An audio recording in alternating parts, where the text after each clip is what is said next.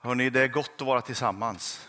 Det är så gott att få lovsjunga och be och eh, möta varann och lyssna på ordet och, och allt det där. Och vi, vi, eh, vi känner själva att vi, vi behöver mer av det där, av stillheten i rummet, av eh, att bara få vara inför Gud. Eh, när en, vi firar gudstjänst på en söndag förmiddag, då, då har vi så många olika saker vi vill göra och som vi behöver göra, det som gör en gudstjänst. Eh, men, men vi kommer med början på nästa helg, den 21 november klockan 18.00, så kommer vi börja ha en, bara en timme inför Gud i lovsång och tillbedjan. Inget mer. Någon kommer säga välkommen och någon kommer säga hej då. Men eh, däremellan så är vi bara inför Gud. Sjunger tillsammans, tillber tillsammans. Eh, så känner du att du behöver det, att du också längtar efter det, så välkommen till de, till de kvällarna då vi kommer ge extra mycket tid åt det där som, som jag vet att, att många längtar efter. Eh, det här är en karta över Malmö. Nästa bild Linus. Eh, allt det gröna och gula det är områden där människor känner sig hyfsat trygga. De gröna områdena där man känner sig mycket trygg. Alla orangea, gula och röda områden, det är där människor känner sig otrygga i en fallande skala. Eh, och ni som eh, kan ert Malmö som är härifrån, ni, ni, ni, vet att det ser ut så här. Det här är ingen nyhet för er. Den här kartläggningen gjorde polisen för några år sedan. Och vi skulle kunna lägga vad som helst på den här kartan. Eh, skoluppfyllelse, medellivslängd, vi skulle kunna lägga inkomstnivå, vi skulle kunna lägga trångboddhet, vi skulle kunna lägga kriminalitet, vi skulle kunna lägga brottsofferstatistik på den här kartan och den ser ungefär likadan ut. Vi lever i ett väldigt, väldigt delat Malmö. Det är heller ingen nyhet för er som bor här och som känner till vår stad. Men så har jag under många år gått och tänkt på det här att våran kyrka, det är den svarta pricken där. Nog för att vi har en stor fastighet, men fullt så stor är den inte. Det var mer att ni skulle, för att ni skulle se den. Den ligger mitt emellan. Den ligger precis mitt emellan skarven från det otrygga då som skulle kunna vara öst och det som i någon mening då enligt den här beräkningarna är trygga väst. Mitt emellan där ligger vi. Mitt emellan. Och jag tänker, Gud har inte placerat oss här eh, av en slump. Jag tror inte det. Jag tror att vi tillsammans med alla de andra kyrkorna i den här staden har en helande uppgift. Jag tror det. Och det som gör mig väldigt, väldigt glad, det är att om vi skulle pricka ut på kartan vart vi bor i vår församling, så kan man tänka sig så här att en gammal traditionell pingstförsamling består väl av välbärgad medelklass. Mm. Inte vi bara. Inte vi bara. Tack vare våra, liksom, all den, liksom, alla de språk som vi firar gudstjänst på så täcker vi in en mycket större del av vår stad. Och det är jag väldigt glad och tacksam för. Det sätter oss i förarsätet när det gäller möjligheter att hela våran stad. Det gör det. Om vi tar det här uppdraget på allvar, att vi tror att vi har ett hopp som bär hela våran stad. Vi kan faktiskt vara med tillsammans med alla andra goda krafter i vår stad såklart. Men vi kan ta ett mycket större kliv i att vara med och hela det som faktiskt på kartan är delat och trasigt. Det finns människor i de gröna områdena som inte har en aning om hur människor i de röda områdena känner det, hur man mår, hur man har det. Vi har två olika världar i vår stad. Två helt olika världar. Och jag tror att vi på grund av hur, vi, hur vår gemenskap ser ut och på grund av var vi är lokaliserade faktiskt kan få vara med och göra en stor skillnad. Och vi gör det redan. Vi är inte så bra på att se det alltid. Vi delar ut kläder, vi firar gudstjänst, vi vägleder unga och äldre, vi fikar och pratar, vi skrattar och gråter och vi sjunger och vi lever mitt här i den delade staden Malmö. Och så läser vi Guds ord. För Johannes 3.16 så älskade Gud världen att han gav den sin enda son för att de som tror på honom inte ska gå under utan ha evigt liv. Ty Gud sände inte sin son till världen för att döma världen, för att världen skulle räddas genom honom. Eller Galaterbrevet 3 och 26. Alla är ni nämligen genom tron Guds söner i Kristus Jesus. Är ni döpta in i Kristus har ni också iklätt er Kristus. Nu är ingen längre jude eller grek, slav eller fri, man eller kvinna. Alla är ni ett i Kristus Jesus. Och så den versen som vi redan har hört idag. Så säger Herren Sebaot, Israels Gud, till alla de deporterade som förts bort från Jerusalem till Babylonien. Bygger hus, bo i dem, plantera trädgårdar, ät frukten från dem. Ta er hustrur, avla söner och döttrar, ta hustrur åt deras söner och ge era döttrar åt män så att de föder söner och döttrar. Bli fler där, inte färre. Gör allt för den stad jag har deporterat er till ska blomstra och be till Herren för den, ty dess välgång är er välgång. Hur kommer vi till den punkten att vi då som tillhör ett annat rike, vi då som ibland känner oss lite som ufon möjligtvis, deporterade till ett annan, en annan plats. Vi har vårt hopp ankrat här men också i himlen. Hur kommer det sig att vi ibland känner oss så instängda? Det är så få som hör våra röst. Hur når vi ut? Den ständiga frågan. Hur kan vi beröra vår stad i en högre utsträckning? Hur kan det vi talar om här, det vi försöker leva här, hur kan det beröra fler människor? Hur kan vi komma med hopp till Malmö? Jag tror att vi, som Linus redan har bett er se där, han är snabb, det är bra, för det, då, då jagar han på mig lite. Va? Men jag tror att ni behöver ta rygg på Jesus. Vi behöver ta rygg på Jesus. Det står så här ifrån Matteus 9, versen 35-38. Jesus vandrade omkring i alla städer och byarna. Och han undervisade i synagogorna, förkunnade budskapet om riket, botade alla slags sjukdomar och krämpor. När han såg människorna så fylldes han av medlidande med dem, för de var illa medförna och hjälplösa som får utan herde. Och han sa till sina lärjungar, skörden är stor men arbetarna är få. Be därför skördens herre att han sänder ut arbetare till sin skörd.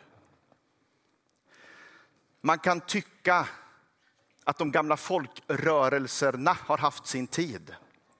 Men jag är väldigt glad över att vi är en av dem som har bevarat vårt namn. Jag vet inte om du säger det. Jag tillhör pingströrelsen. Det är ett litet gammalt ord. Vi använder inte det så ofta.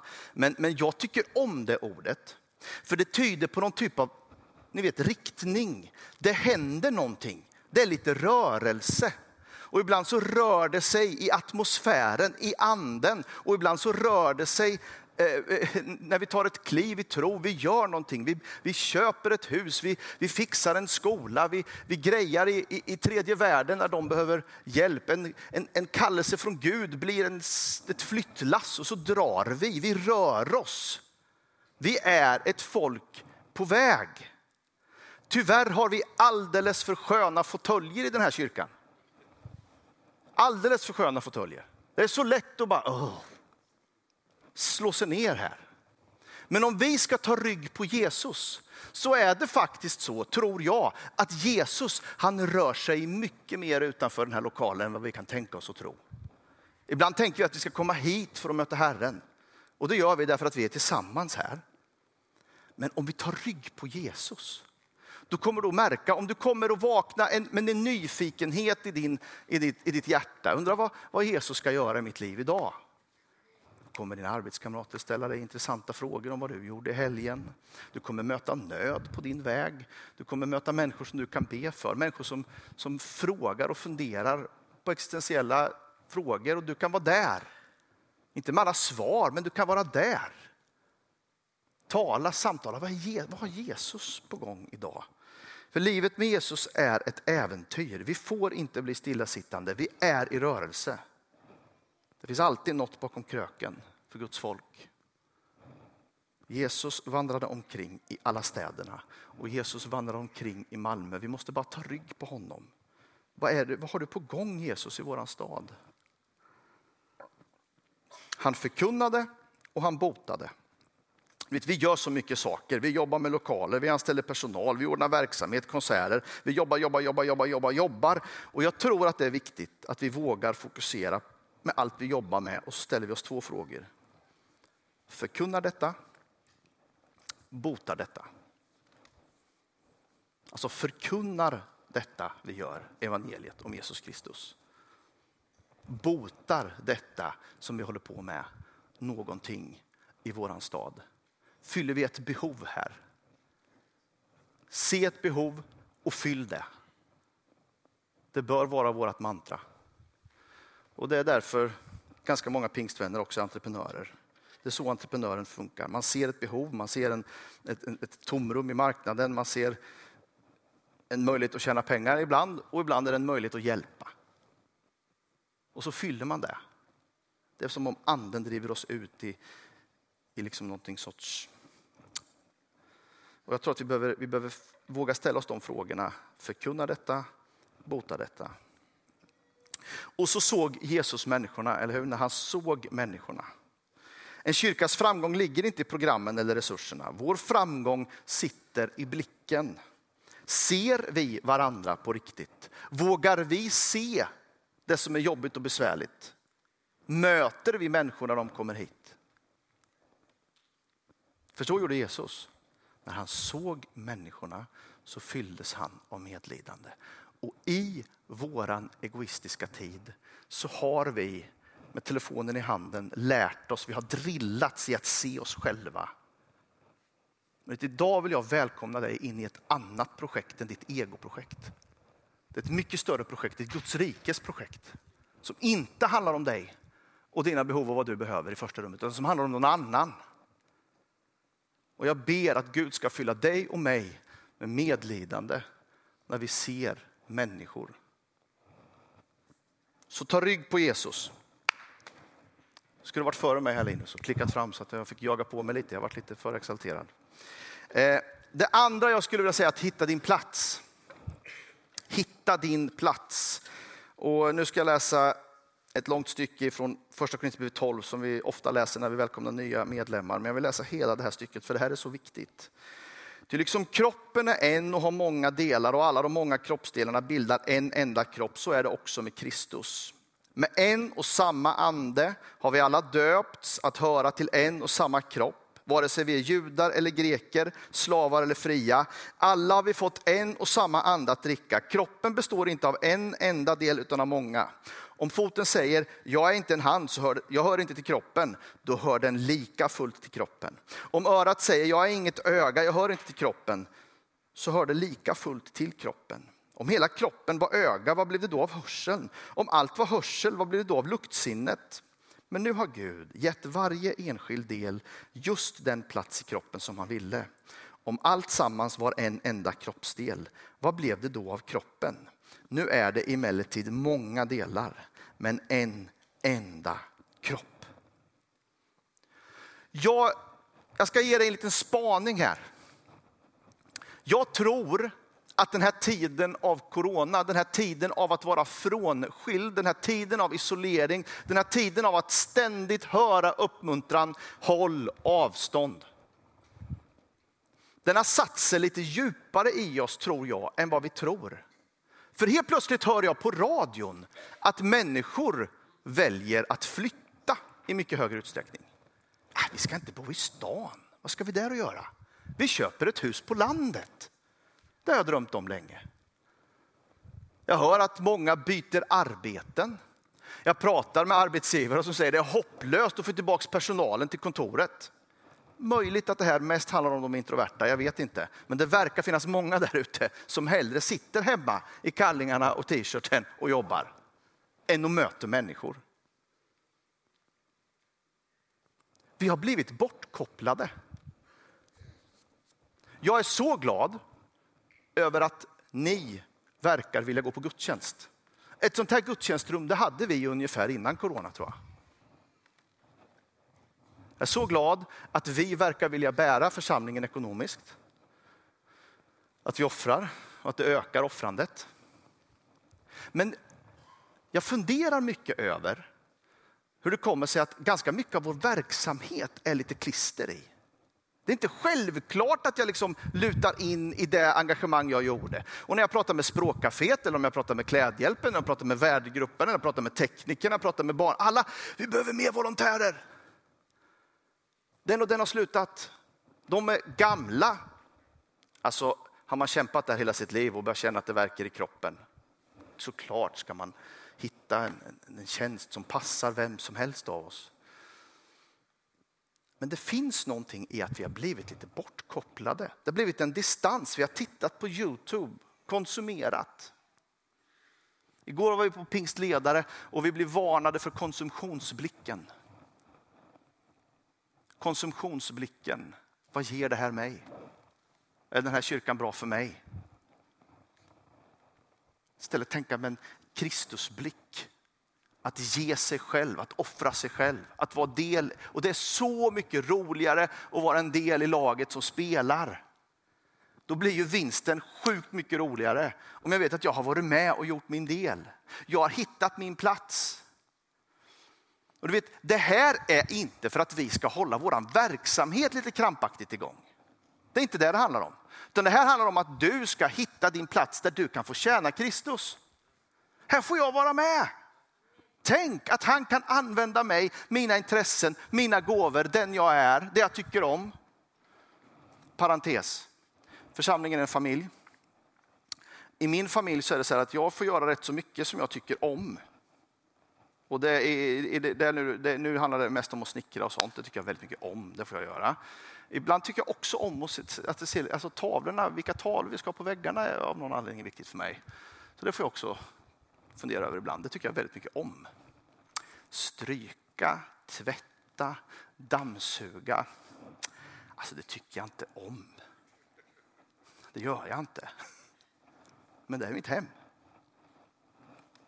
Jag vill ha det rent och snyggt. Det finns grejer som jag bara måste göra. Slut parentes. Alltså jag, jag, jag liksom önskar så att, att vi fick någon sorts Kristusblick igen. Att vi fick någon sorts ihopkopplande igen, för vi ska betjäna den här staden. Jesus gick omkring och vandrade bland stä, i städerna och byarna. Och nu är vi Kristi kropp som vi har sett här idag. Vi har döpt till kroppen. Nu är det vi som ska göra det. Men ingen kan göra det själv. Utan du behövs i den där kroppen. Du kan säga för dig själv, ja, jag är, inte, jag är ingen lovsångare, jag behövs inte. Du behövs visst det. Nej, men jag är inte, jag är inte någon predikant eller så, jag behövs inte. Du behövs visst. Varenda liten del av den här kroppen behövs. Och jag önskar så att du kunde idag få, liksom, att den helige ande gav dig lite drömmar. Lite sådär, ah, det här skulle jag göra. För allting i Guds rike startar med just det där en kallelse, en dröm. Det där ska jag göra. Dit ska jag gå. Nu ska jag offra någonting. Nu ska jag offra min bekvämlighet, jag ska offra mina pengar, jag ska offra min tid. För det här vill jag, jag vill se det här bli verklighet. Jag ska så att den helige ande befriade oss ifrån det där bortkopplandet, kopplade in oss. Och att vi hittar vår plats. Det sista jag skulle vilja säga handlar om att drömma stort. Behoven av hopp i Malmö är så stora. Det är väldigt lätt att tänka, vad kan vi göra? Vad spelar det här roll? Det vi håller på med.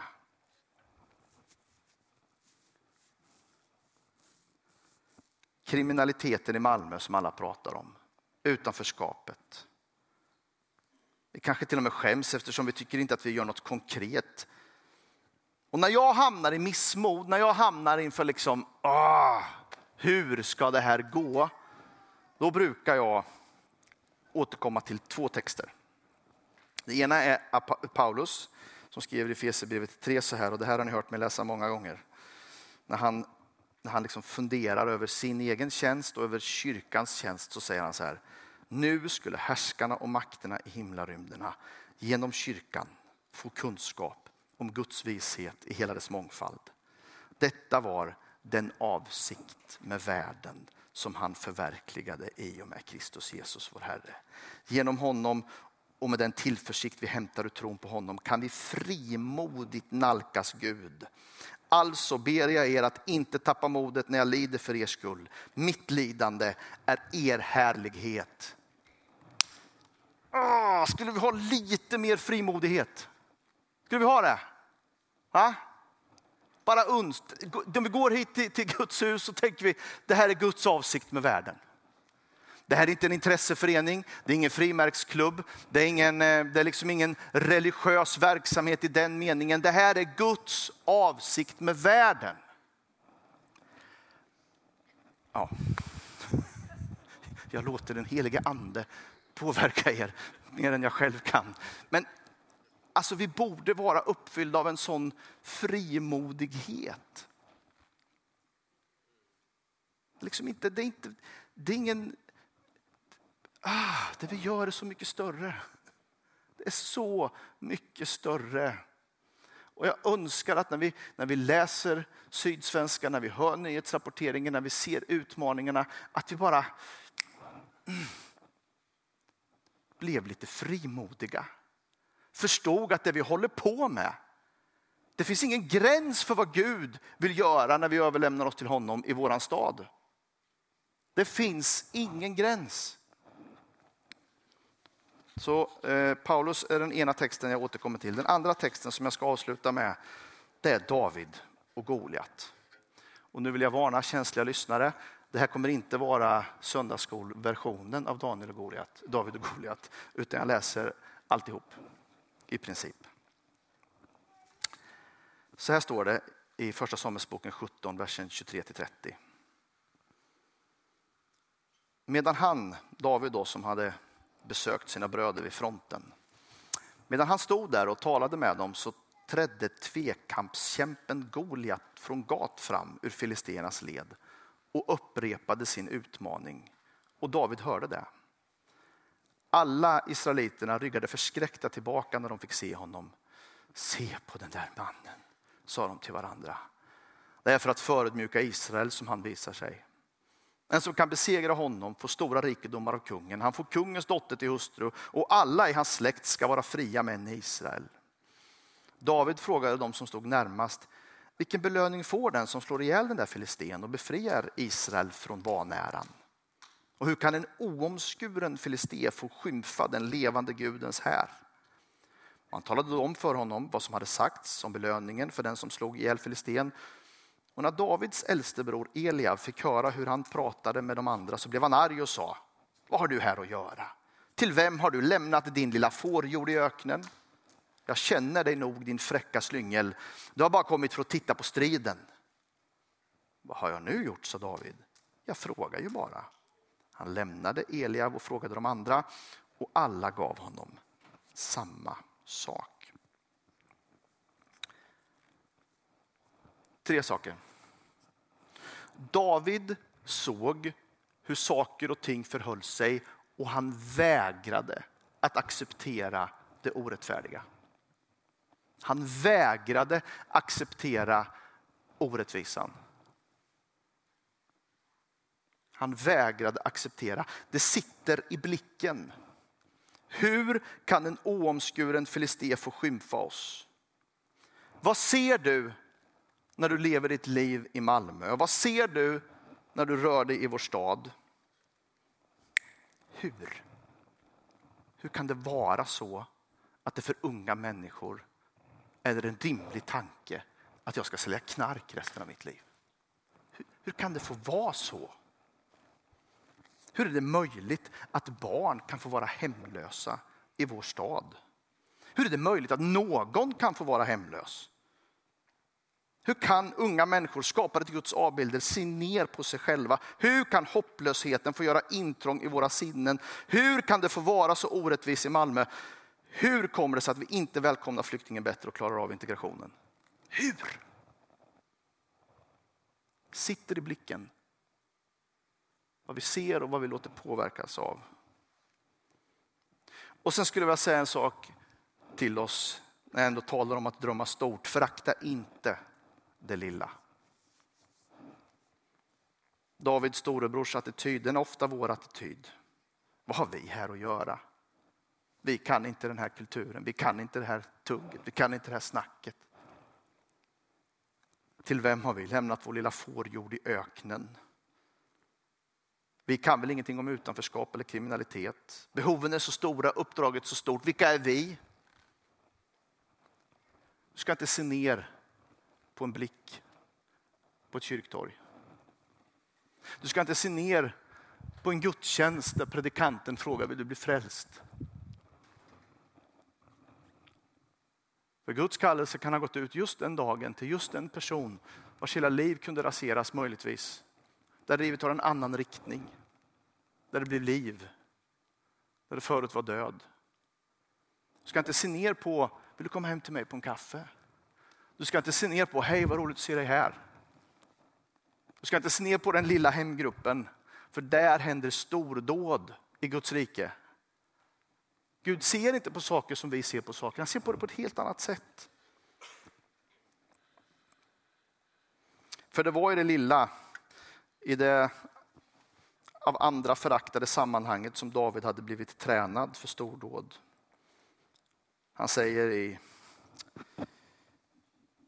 han säger vidare i det 17 kapitlet, jag har vallat får åt min far. När det kom ett lejon tog ett får ur jorden så sprang jag efter det, slog ner det och ryckte bytet ur käftarna på det. När all anföll mig grep jag det i manen och slog ihjäl det. Och som björn har jag fällt. Och det ska gå likadant för den där omskurne filisten som det gick för dem eftersom han har skymfat den levande Gudens här. Och han tillade, Herren som har räddat mig från både lejon och björn, han ska rädda mig från den där filisten. Då sa Saul till honom, gå Herren är med mig.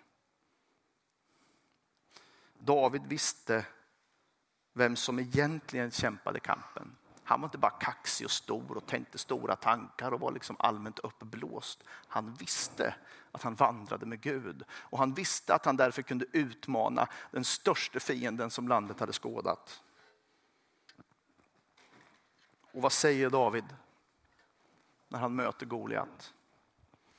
Du kommer emot mig med svärd och spjut och sabel. Men jag går emot dig i Herren Sebaots namn. Och han som är Israels härars Gud och som du har smädat. Och idag ska Herren utlämna dig åt mig och jag ska fälla dig till marken och hugga huvudet av dig. Ja, det var den som inte var söndagsskolvarianten. Men tänk om vi kunde få vara med och hugga huvudet av utanförskap. Och vi kunde få hugga huvudet av psykisk ohälsa i den här staden. Och vi kunde få hugga huvudet av ensamhet, hopplöshet, missbruk och allt annan djävulskap som förstör Guds älskade avbilder.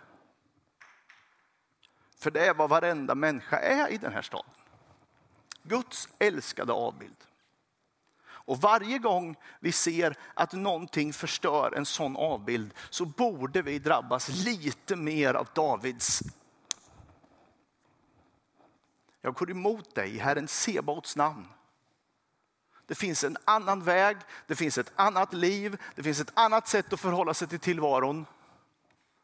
Välkommen till Jesus Kristus, välkommen till korset. Välkommen att böja dig och bli frälst ifrån dig själv. Bli frälst ifrån din synd. Vänd dig till någonting som är större än dig själv. Jag pratar inte om en quick fix. Jag vet att det är långa processer. Jag vet att det är svårt att göra det. Men om vi kunde... Ah!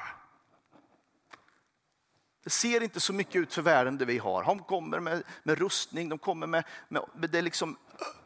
Vi har bara en liten slunga. Men låt oss slunga den. Kan vi göra det?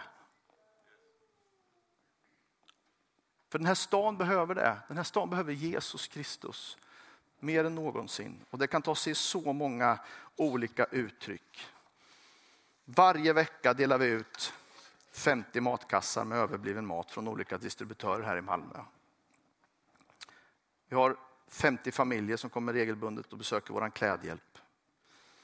En del flera gånger, andra bara en gång. De hämtar allt från kläder, husgeråd, barnvagnar, blöjor, leksaker. Det här är bara en ringa begynnelse för vad vi kan göra i vår stad. När Sebastian Staxet kommer till oss och säger jag skulle vilja starta en avhopparverksamhet i Malmö. Då tänker jag, ja, hur då? Du vet, det vet vi inget om. Det måste vara svårt. De kommer emot oss med pistol och vi har ingenting.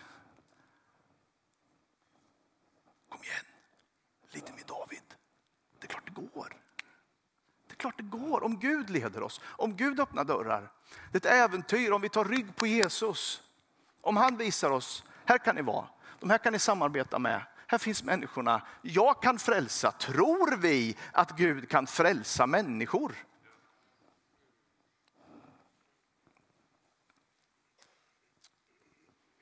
Vi kan resa oss i rummet. Och så vill jag tacka dig som har varit med oss i Youtube. Vi ska fortsätta att eh, sjunga tillsammans, be för varandra i det här rummet. Gud välsigne dig där du är och välkommen hit till vår kyrka.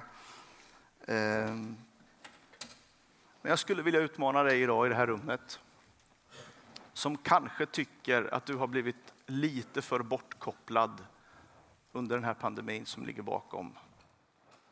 Du har blivit ifrånkopplad gemenskapen här. Du har blivit ifrånkopplad engagemanget och delaktigheten.